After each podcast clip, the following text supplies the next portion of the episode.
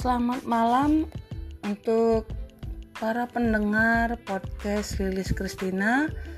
Kembali malam hari ini saya Lilis mau berbicara di podcast ini untuk episode yang ke-25 yaitu tentang studi Alkitab induktif ya. Studi Alkitab induktif. Tujuan saya membagikan materi ini yaitu supaya kita semakin terampil dalam mendalami Alkitab sehingga mampu menemukan rahasia kebenaran yang terkandung di dalamnya. Jadi firman Tuhan yang mendukung tentang studi Alkitab induktif yaitu tentang di Mazmur 119 ayat 18 Firman Tuhan berkata, singkapkanlah mataku supaya aku memandang keajaiban-keajaiban dari Tauratmu. Sikap kita terhadap firman Tuhan haruslah seperti seseorang yang menemukan sebuah tambang emas. Kita harus belajar untuk membaca Alkitab seperti seorang anak muda yang membaca surat cinta pertamanya gitu ya jadi eh, supaya kita memahaminya gitu ya. Jadi tidak sekedar membaca Alkitab. Ada orang bilang eh, siapa dulu ya? Ada pernah lah yang ngomong sama saya eh, kak saya sih rajin membaca Alkitab gitu tapi saya nggak ngerti gitu.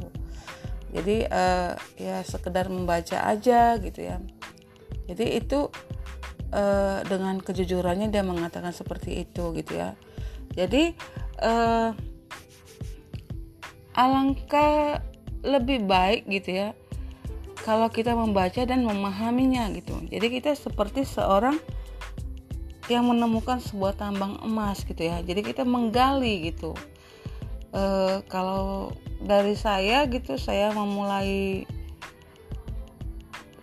mencintai firman Tuhan itu ketika SMP kalau nggak salah ya SMP saya pernah cerita ya di podcast yang lalu-lalu. Uh, waktu itu saya dari teman saya juga sekarang dia udah pendeta di Batam ya. Jadi dia kirim-kirim apa melalui surat-surat gitu ya. Dan panjang perjalanan rohani saya gitu ya untuk boleh membaca firman uh, untuk boleh memahami tentang belajar Alkitab gitu ya. Sampai saya juga uh, kuliah di STT gitu ya sekolah tinggi teologi gitu ya.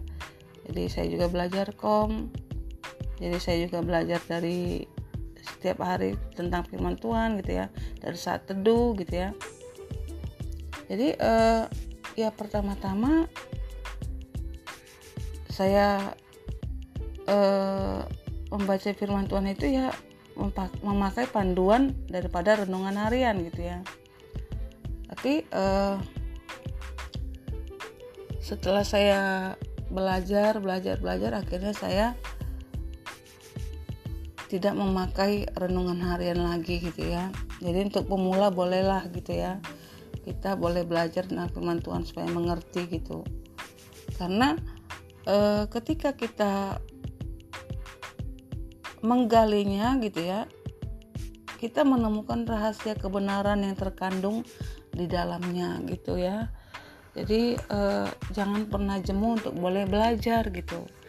Jadi kalau e, orang bilang ah itu kan tugas pendeta gitu yang menggali-menggali begitu gitu ya. Jadi uh,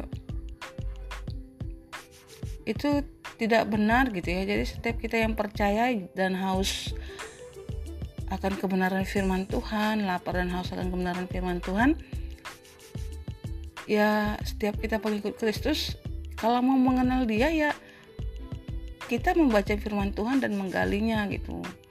Jadi kita juga tidak disesatkan oleh angin-angin pengajaran gitu ya. Jadi uh, jangan uh, gimana saya bilangnya? Ada seperti kayak kalau kita lah kalau kita pengen uh, mengetahui sesuatu gitu ya ada banyak hal ya pengen mengetahui sesuatu uh, bahkan ada orang sampai eh, uh, pengen mengupgrade diri gitu ya sampai belajar gitu sampai S3 sampai ambil profesor gitu ya. Supaya apa? Supaya uh, mengetahui ya. Jadi tujuan mau belajar itu kan untuk mengetahui gitu ya. Untuk memahami lebih dalam lagi gitu ya. Jadi kalau dari uh, kita belajar tentang firman Tuhan studi Alkitab ya kita semakin mengetahui rahasia kebenaran yang terkandung di dalamnya gitu ya. Jadi ada juga yang alergi gitu ya. Uh, ah udahlah gitu ya. Jadi ada banyak hal gitu ya ada banyak hal kita enggan untuk boleh belajar tentang uh, studi Alkitab induktif ya tentang studi Alkitab gitu ya. Jadi uh, belum terlambat sahabat-sahabat yang terkasih jikalau kita mau mengetahui rahasia kebenaran yang terkandung di dalam firman Tuhan ya kita harus menggalinya gitu ya dan kita juga minta pertolongan Roh Kudus supaya Roh Kudus mengajari kita untuk memahami itu gitu ya. Jadi kita tidak menjadi orang-orang yang sesat, orang-orang yang uh, memutarbalikkan firman Tuhan gitu ya. Uh, menjadi apa? Yang tidak sesuai gitu. Jadi kita tidak mau kita seperti itu. Kita mau supaya kita hidup dalam kebenaran firman Tuhan ya dan memahaminya mengenal Tuhan gitu. Jadi eh, sikap dalam menelaah Alkitab itu pertama positif. Percaya bahwa ya melalui pertolongan Roh Kudus kita pasti dapat memahami firman Tuhan secara benar gitu. Jadi kedua, menerima percaya Tuhan hanya menuntut hati dan pikiran kita yang terbuka sehingga dia dapat menyatakan dirinya dan kebenarannya. Ketiga, berharap yakin sementara kita berdoa dan belajar firman Tuhan, Roh Kudus akan menjelaskan bahwa kebenaran firman itu di dalam hati saya. Keempat, setia. Kita tidak dapat berharap banyak dari penelaah Alkitab kecuali jika kita bersedia untuk mencoba dan mendisiplinkan diri sendiri dalam hal belajar. Oke. Okay. Uh, 10 kunci dalam menggali firman Tuhan itu pertama seperti seorang penyelidik ya. Itu dapat di ada di firman Tuhannya di Amsal 2 ayat 4 jikalau engkau mencari seperti seorang mencari seperti mencari perak dan mengejarnya seperti mengejar harta terpendam. Kedua seperti seorang nenek berulang-ulang gitu ya. Jadi kunci dalam belajar Alkitab adalah membaca teksnya berulang-ulang dengan doa sampai pencerahan menerobos masuk.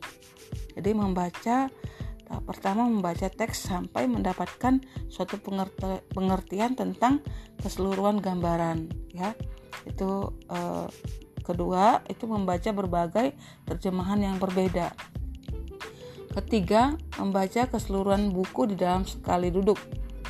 Keempat, membaca dengan suara yang nyaring. Tahap yang ketiga yaitu eh, dalam 10 kunci dalam menggali firman Tuhan yaitu seperti seorang penambang.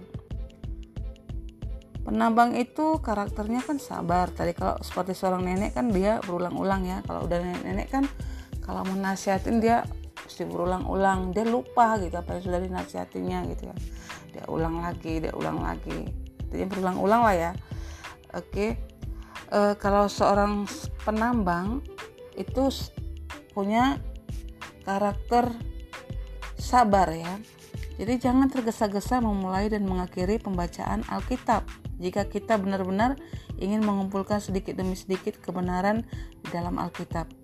Bersabarlah dengan teks dan bersabarlah dengan diri sendiri gitu ya. Keempat, seperti seorang nelayan nelayan itu gimana sih karakternya? Selektif ya. Jadi menelaah dengan teliti setiap ikan yang ditangkap dan menyeleksinya. Jadi kalau teman-teman tidak tahu gimana nelayan bolehlah sekali-sekali pergi ke pantai ya ke pantai ketemu-ketemu nelayan gitu ya di laut. Eh, mereka setelah menangkap ikan mereka eh, akan memilih ya menyeleksi ya ikan mana yang ada keranjang-keranjangnya itu mereka seleksi gitu. Jadi mana ikan yang eh, apa misalnya mana ikan apa gembung gitu ya atau ikan atau udang atau eh, ikan yang lain-lain gitu ya.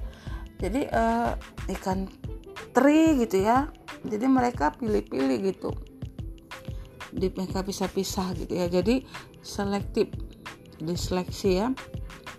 Jadi seperti itu juga kita dulu tentu menelaah dengan teliti gitu setiap uh, kebenaran firman Tuhan. Jadi uh, seperti kalau kita beng apa bikin skripsi ya ah, skripsi ya kita ataupun uh, ya menulis ya sebagai seorang penulis pasti kita akan ada beberapa uh, item ya yang harus kita persiapkan yaitu who siapa ya siapa yang ya apa yang what what oke okay.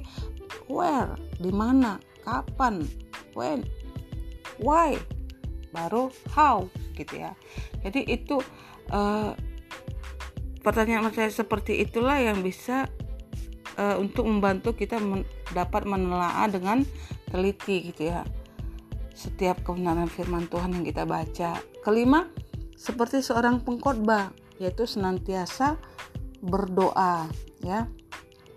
Jadi kita membaca dengan penuh pengharapan gitu ya. Membaca sambil berdoa, berdoa sebelum mulai membaca, berdoa sementara membaca, berdoa setelah membaca. Oke. Okay? Itu seperti seorang pengkhotbah ya, senantiasa berdoa. Jadi kita uh, kalau mau menggali ataupun mengetahui rahasia kebenaran firman Tuhan, ya kita dibarengin dengan berdoa gitu. Minta petunjuk Tuhan ya minta petunjuk Roh Kudus untuk mengajari kita Keenam seperti seorang pembuat film. Pembuat film itu dia uh, dengan imajinasinya gitu ya.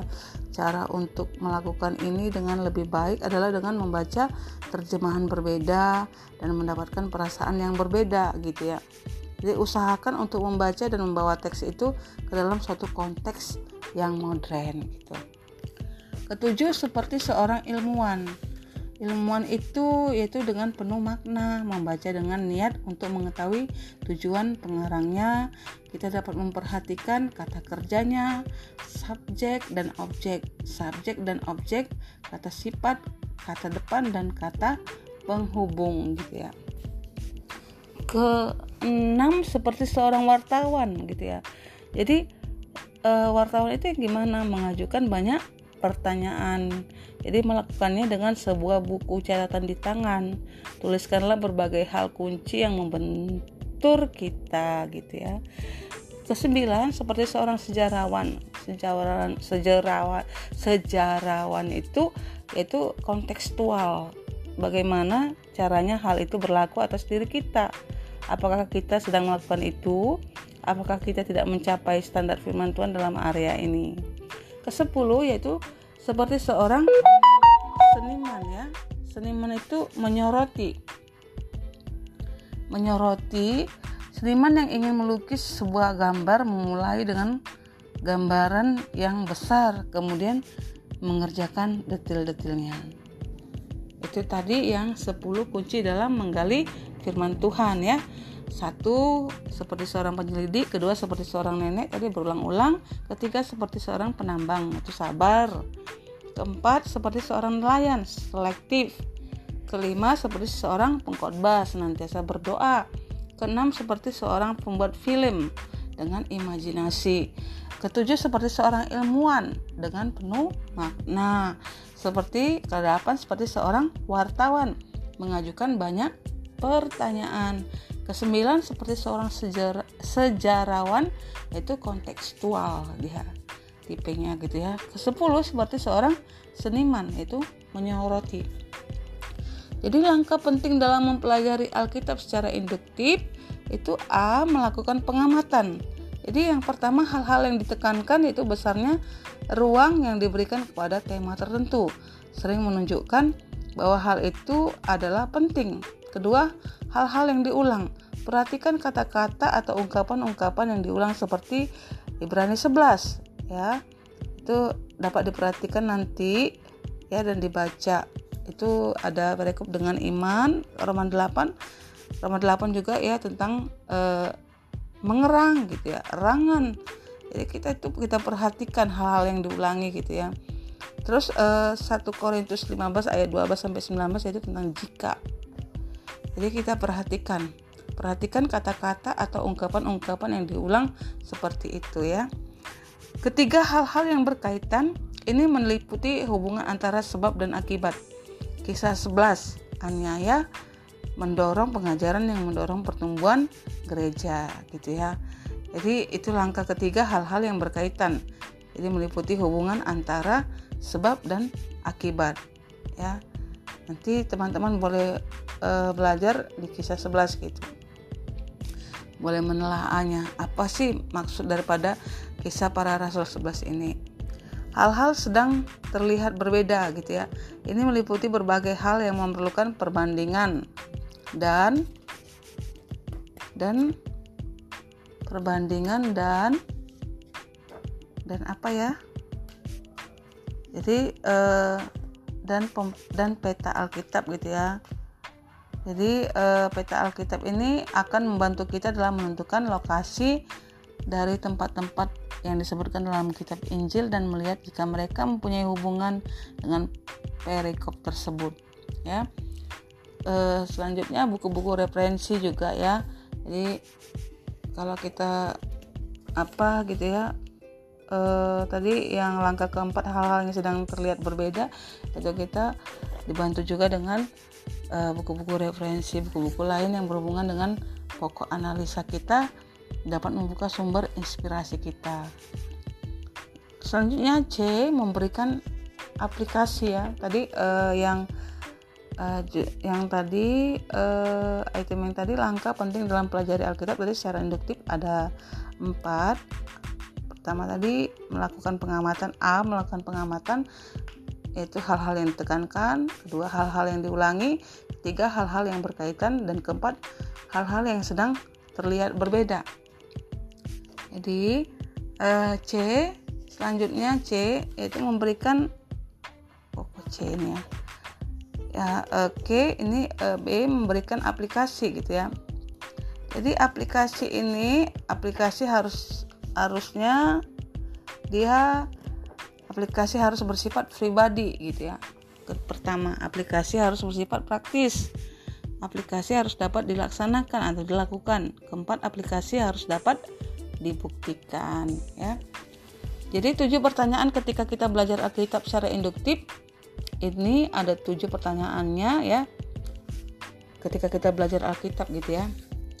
Pertama apakah ada suatu teladan untuk diikuti? Ya Kedua, apakah ada suatu dosa untuk dihindari? Ketiga, apakah ada suatu janji untuk diklaim? Keempat, apakah ada suatu perintah untuk dipatuhi? Kelima, apakah ada suatu kondisi untuk ditemukan? Keenam, apakah ada suatu ayat untuk diingat? Ketujuh, apakah ada suatu tantangan untuk diresponi? Jadi pilihlah sebuah perikop dalam Alkitab dan ajukanlah tujuh pertanyaan di atas gitu ya. Jadi uh, itu saja teman-teman uh, tentang langkah-langkah dalam uh, studi Alkitab induktif gitu ya. Jadi kalau teman-teman nggak bisa juga memahaminya atau belajar sendiri ya ada banyak uh, kampus-kampus ataupun ya kampus lah ya kampus uh, yang memfasilit dapat memfasilitasi uh, kita untuk boleh belajar firman Tuhan gitu untuk boleh cara menggali kebenaran firman Tuhan gitu ya. Uh, cari di kota masing-masing gitu ya. Jadi uh, kita jangan merasa ah saya kan sudah kuliah sudah sarjana. Ya itu kan lari jurusan. Jadi kalau kita memang mau mencintai firman Tuhan ya kita belajar gimana menggalinya. Tapi kalaupun uh, teman-teman bisa belajar sendiri ya puji Tuhan gitu ya. Jadi dengan langkah-langkah seperti tadi gitu ya. Jadi itu saja teman-teman untuk uh, malam hari ini tentang podcast saya yang membahas tentang studi Alkitab induktif ya. Jadi podcast yang episode yang ke-25. Itu saja uh, saya akhiri. Mari kita berdoa. Terima kasih Tuhan Yesus untuk malam hari ini kami bersyukur kepadamu karena Tuhan teramat baik bagi kami. Terima kasih untuk sampai saat ini Tuhan, Engkau masih menyertai kami, masih melindungi kami dan Kau masih memberikan kami kesempatan untuk boleh hidup di bumi ini. Biarlah hidup kami menjadi hidup yang berarti Tuhan dan menjadi berkat. Terima kasih untuk materi yang sudah saya bagikan Tuhan tentang studi Alkitab induktif Tuhan. Biarlah Tuhan dengan materi ini kami semakin mau belajar, semakin mau menggali uh, rahasia daripada kebenaran firman-Mu sehingga kami boleh dapat mendapatkan suatu inspirasi, dapat mendapatkan suatu rahasia-rahasia yang terkandung dalam kebenaran firman dan mengetahui lebih dalam lagi apa yang menjadi kehendak-Mu Tuhan. Terima kasih Tuhan Yesus untuk malam hari ini. Buka mata kami, buka telinga kami supaya kami boleh mengerti dan memahaminya Tuhan. Siapa pun kami Tuhan yang mau rindu haus dan lapar akan Tuhan mau mencarimu Tuhan mengenalmu. Hendaklah Tuhan memberikan Roh Kudus memberikan pencerahan bagi kami ketika kami boleh belajar tentang kebenaran firman-Mu. Engkau memberikan pewahyuan Tuhan. Engkau memberikan sesuatu yang rahasia-rahasia yang terkandung di dalam kebenaran firman-Mu sehingga kami menjadi orang-orang yang orang-orang Kristen yang kuat, orang-orang Kristen yang tidak diombang-ambingkan oleh pengajaran-pengajaran ataupun ajaran-ajaran sesat Tuhan. Karena kami punya indikator yang tepat yaitu kebenaran firman-Mu Alkitab Tuhan sebagai petunjuk bagi kami untuk boleh mengenal dan memahamimu dan menjadi pelaku kebenaran firman-Mu. Terima kasih untuk malam hari ini Tuhan, biarlah kami selalu tetap sehat-sehat selalu Tuhan. Biarlah Tuhan terus juga bekerja Tuhan menolong kami untuk boleh hidup setia di dalam Engkau Tuhan. Terima kasih Bapak untuk malam hari ini. Bagi mula segala pujian, hormat, kemuliaan sampai selama-lamanya. Amin. Terima kasih untuk teman-teman semuanya. Kalau teman-teman diberkati dengan podcast-podcast Lilis Kristina, mohon dibantu share-nya ya. Terima kasih, Tuhan memberkati.